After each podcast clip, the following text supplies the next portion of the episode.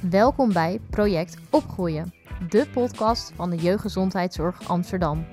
In deze podcast bespreken wij, Caroline en Lois, twee jeugdverpleegkundigen, alle ins en outs met betrekking tot het opvoeden, het opgroeien en het ouderschap. We beantwoorden alle vragen die je hebt of waarvan je niet eens wist dat je ze had. Luister vooral naar ons wanneer het jou uitkomt.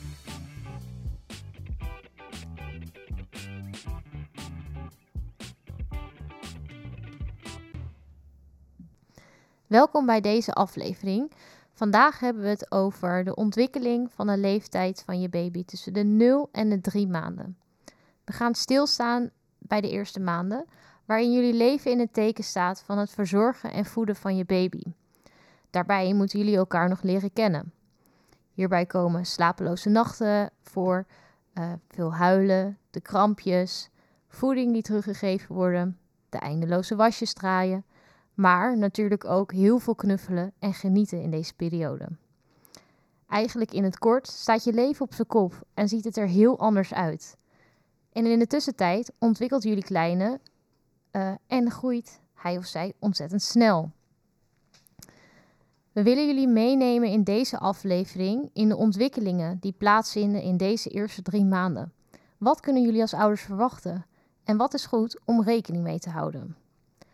Zoals ik net al aangaf, uh, verandert je dagelijks leven compleet na de geboorte van je kind.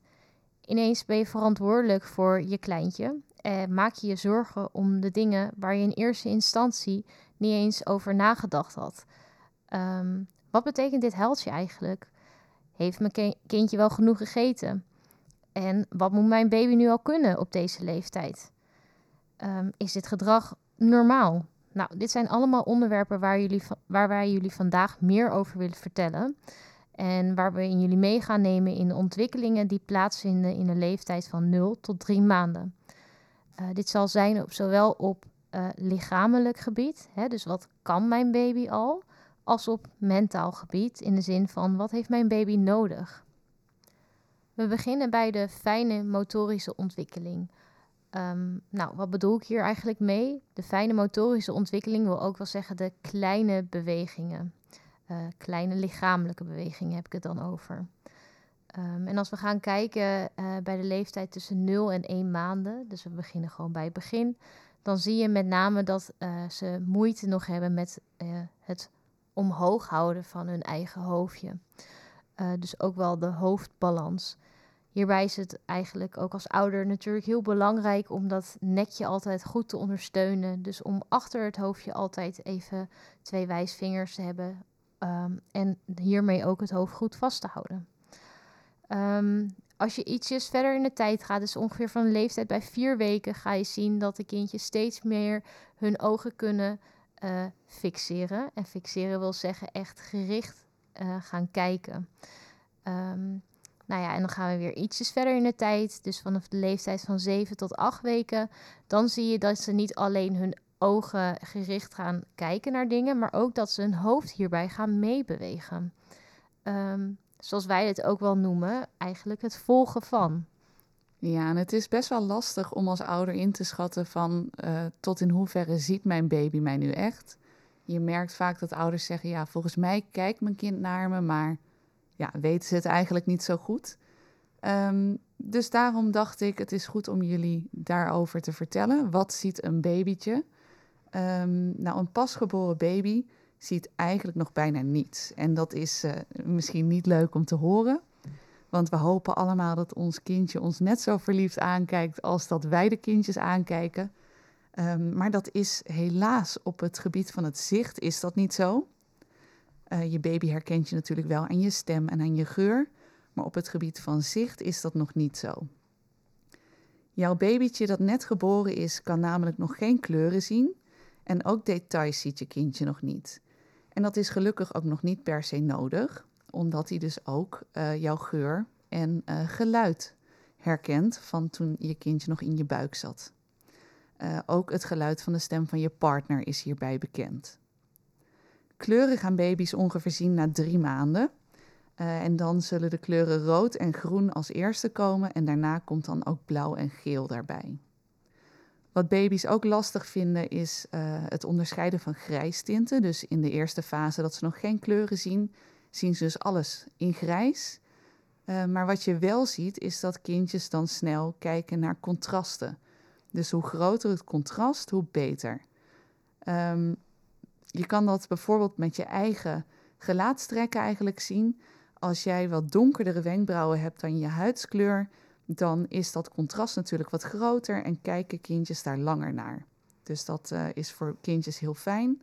Bij mannen is bijvoorbeeld een baard of een snor ook een heel fijn uh, herkenningspunt. En natuurlijk je haarlijn, als je die hebt in ieder geval. um, bij twee maanden gaan kindjes steeds meer details zien.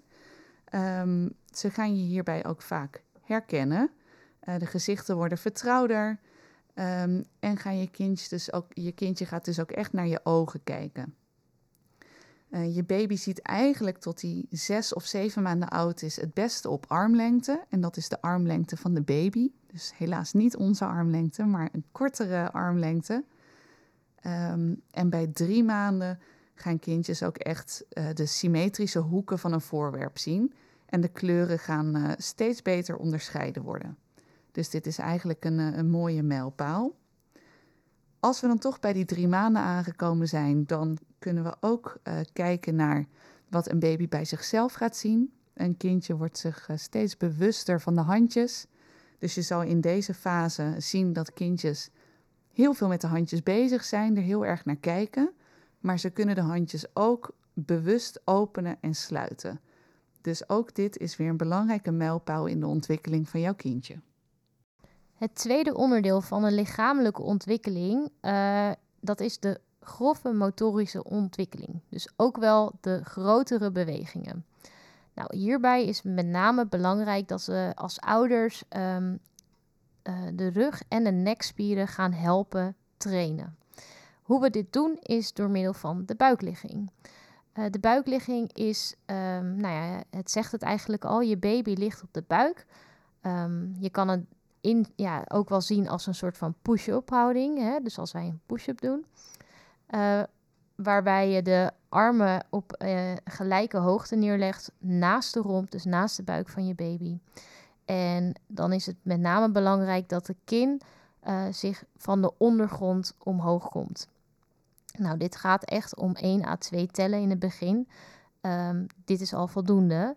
En dit is heel erg goed, dus wat ik net al zei, voor de stimulatie van de spieren met betrekking tot de rug en de nek. Um, wat je wel kan merken is dat het voor de kleine uh, in het begin moeilijk is. Het is iets waar ze in moeten groeien, sterker in worden. Uh, dus het zou kunnen dat je baby dit in het begin niet leuk gaat vinden. Um, dit maakt helemaal niet uit. Bouw het gewoon langzaam op. Uh, elke dag een paar keer oefenen voor een paar seconden is al voldoende. En daarin zul je ook merken dat het steeds beter zal gaan. Ja, je wil natuurlijk liever een aantal keer per dag een paar seconden oefenen, van een paar minuutjes, dan dat je één keer 30 minuten lang oefent. Want dat is voor een kleintje vaak uh, nou, ook best frustrerend als het niet lukt. Zeker weten, ja, nee, absoluut. En daarbij is dit ook een goede houding, um, waarbij je de uh, voorkeurshouding een beetje kan uh, voorkomen, slash uh, ja, ervoor zorgen dat je kindje niet de hele tijd op zijn of haar achterhoofd ligt. Um, nou, wat is eigenlijk de voorkeurshouding? Misschien is het goed als we daar ook nog even wat meer over vertellen. Ja, zo'n voorkeurshouding Um, dat is vaak aan één kant van het hoofd. Uh, je merkt zelf ook wel, als je gaat slapen, dan val je soms het liefst in slaap op je rechterzij of juist nou, op je buik, op je rug, je linkerzij. Uh, kinderen hebben dit ook. Dus wat je vaak ziet is dat kindjes, um, zeker nou, de allerkleinste, hebben de schedelnaden, die zijn nog niet aan elkaar gegroeid. Dus dat betekent dat eigenlijk die schedel die bij ons uh, nou, keihard en rond is, dat dat bij baby's gewoon nog niet zo is. Daardoor moet je ook voorzichtig omgaan met het hoofdje, maar kan dus ook de vorm van het hoofd nog een beetje veranderen. Dit kan um, tot zes maanden eigenlijk gebeuren, dus voordat die naden helemaal aan elkaar zijn gegroeid, uh, is het heel belangrijk om te letten op zo'n voorkeurshouding. Nou, wat voor manieren ontwikkelt je baby nou zo'n voorkeurshouding? Um, dat, kan er, uh, dat kan verschillende oorzaken hebben. Uh, wat we vaak zien is dat, nou, wat Caroline net ook al aangaf, is dat ze zelf een voorkeur hebben. Um, hè, dus dat ze liever bijvoorbeeld met het hoofdje naar links in slaap vallen en dus daardoor ook vaker op de linkerkant van hun hoofd liggen. Maar vaak zie je ook dat wij als ouder een voorkeur hebben. Um, bijvoorbeeld met betrekking van het voeden van je kindje. Um, kan borstvoeding zijn, afgekofte moedermelk. Het kan kunstvoeding zijn. Dat je het fijner vindt om bijvoorbeeld je baby in je linkerarm vast te houden en de fles met je rechterarm te geven. Nou, je kan je voorstellen, het is een vrij intiem moment, hè, het voeden, dat je baby dan naar jou gaat kijken. En dat het dus de hele tijd meer de, in dit geval, hè, als het in de linkerarm ligt, dat ze meer naar op de rechterkant uh, van haar hoofdje ligt. Ja, en daardoor kan je dus, als je dat vaak uh, aan dezelfde kant doet, kan je dus al die voorkeurshouding krijgen, wat dus een afplatting van het hoofdje betekent. Nou, mocht dit gebeuren, uh, zoals ik net zei, dit, dit is best wel een lange periode waarin het kan gebeuren. Um, geen paniek. Als dit gebeurt, um, wil niet zeggen dat uh, het hoofdje van je kindje niet meer symmetrisch kan worden. Wat wel heel belangrijk is, is dat je er alert op bent. En dat je dus dit gaat aangeven als je bijvoorbeeld bij de jeugdgezondheidszorg, dus bij ons, uh, op je afspraak komt met je kindje. Dan kan je hele goede tips krijgen van de verpleegkundige of van de arts. Um, er zijn ook dingen die je zelf alvast kan doen thuis. Onder andere dus het oefenen op de buik. Noemen we ook wel tummy time. Um, wat Lois net zei, in een push-up houding. Dus je bent eigenlijk bezig met, uh, met een soort babygym. Wat hartstikke goed is. Um, we hebben het net over het zicht gehad. Baby's houden heel erg van contrast. Dus als het kinderbedje uh, naast een raam staat, kan je voorstellen dat daar veel licht uitkomt. En kinderen kijken graag naar het licht. Dus leg je kindje ook eens andersom in het bedje. Draai het bedje om. Um, kinderen proberen ook uh, de ouders te volgen. Dus waar komt het geluid vandaan? Kijkt je kindje altijd aan één kant naar de deur? Draai dan ook dat bedje een keertje om, zodat de deur voor het gevoel dus aan de andere kant zit. Dan zijn we nu aangekomen bij onze vaste rubriek Feit of Fabel. Vandaag heb ik weer drie stellingen voor jullie uitgekozen. Uh, en die zijn waar of niet waar, dus feit of fabel. De eerste stelling. Als je tijdens je zwangerschap klassieke muziek luistert, zoals muziek van Mozart, dan wordt je kindje slimmer. Dit is een fabel. Uh, dit is niet waar. Uh, in principe heeft het luisteren van um, klassieke muziek helemaal geen invloed op het slimmer laten worden van je baby. Dan de tweede stelling. Om de hersencapaciteit te verbeteren, dus om kinderen sneller te laten ontwikkelen, kan je je kind het best educatief speelgoed geven. Ook dit is niet waar. Uh, in principe is het zo dat um, eenvoudig speelgoed, dus denk aan uh, bijvoorbeeld gewoon blokjes, uh, al voldoende is. Het gaat er met name om dat de kindjes kunnen spelen um, op hun eigen niveau. En dat kunnen ze eigenlijk met alles doen. De laatste stelling van vandaag. Alle baby's worden geboren met blauwe ogen. Dit is wel waar. Um, en het is zelfs zo dat de kleur van de ogen kan veranderen tot de leeftijd van zes maanden. Dan gaan we nu door naar de mentale ontwikkeling. En hieronder valt uh, onder andere uh, communiceren, dus uh, praten met je baby. Um, en het is zo dat praten ontzettend belangrijk is voor de ontwikkeling van je kleintje. Door goed te kijken naar je baby leer je hem of haar ook steeds beter kennen. Wat doet je baby bijvoorbeeld als je contact maakt? En hoe merk je aan hem of haar dat de baby ontspannen is? Um, er zijn gewoon een paar ontwikkelingen met betrekking tot de communicatie, wat jullie kunnen verwachten in deze periode. Deze zal ik even uh, kort gaan benoemen. Wat je zal merken is dat van een leeftijd van vier weken je echt gaat merken dat je baby gaat reageren wanneer je hem of haar aanspreekt. Um, dat kan bijvoorbeeld doordat hij stil wordt en naar haar gaat kijken. Uh, het kan ook juist dat de baby heel enthousiast gaat bewegen of gaat knipperen met de ogen. Nou ja, dit zijn allemaal signalen uh, wat je gewoon door te gaan kijken naar je baby um, kan gaan zien. ehm, even later, van een leeftijd van ongeveer tussen de zes en de zeven weken, ehm, ga je zien dat de baby's echt gaan reageren op uh, door te lachen naar je. En dit is een super bijzonder moment. Uh, en wanneer we dit ook zien, is soms bij de leeftijd van acht weken. Dus wanneer je kindje dit bij de leeftijd van zes weken nog niet doet, is dat helemaal niet erg. Uh, maar je gaat gewoon zien dat wanneer ze jou herkennen, dat ze je ook naar je gaan lachen. En tenslotte, als we gaan kijken bij de leeftijd van 12 weken, dus de leeftijd van drie maanden, dan ga je echt zien dat er steeds meer communicatie komt kijken. Dus dan gaan ze ook echt op je reageren door uh, geluidjes te maken. Uh, een beetje kier kierende geluiden. Ze gaan hun stembanden een beetje ontdekken, ontwikkelen. Uh, en daar komen hele leuke geluidjes bij van pas. Um, en dan wilde ik nog heel even dieper ingaan op het stukje wat dat praten met je baby echt super belangrijk is. En ook een heel goed moment is om echt contact te maken. En jullie band daarin dus ook te versterken. Uh, de stemmen uh, van, van uh, beide ouders, die waren al hoorbaar in de ba baarmoeder, hè, wanneer je kindje in een baarmoeder zich bevindt. Het geluid van jullie stemmen is daardoor ook vertrouwd. En ja, ze luisteren daar gewoon graag naar. Maar het is als kerstverse ouders vaak best wel lastig om opeens hele verhalen tegen je kindje te vertellen.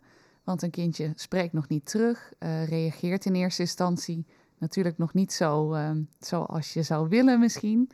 Um, dus wat zeg je nu eigenlijk tegen een baby zonder dat je nou, zelf aan het nadenken bent wat je nou eigenlijk moet zeggen? Nou, de beste tip is eigenlijk heel simpel. Benoem gewoon wat je doet. Zie je papa lopen? Kijk, daar is papa. Of um, mama gaat nu je luier verschonen. Dan gaan we straks even boodschappen doen. Je zegt gewoon wat je van plan bent of wat je op dat moment aan het doen bent. Um, en daarbij kan je ook um, dingen herhalen. Gewoon je stem laten horen, dat is het belangrijkst. Ja, en daarbij is het ook wel wat we vaak nog meegeven als tip, is dat je best wel uh, alvast kan starten met het uh, lezen van boekjes.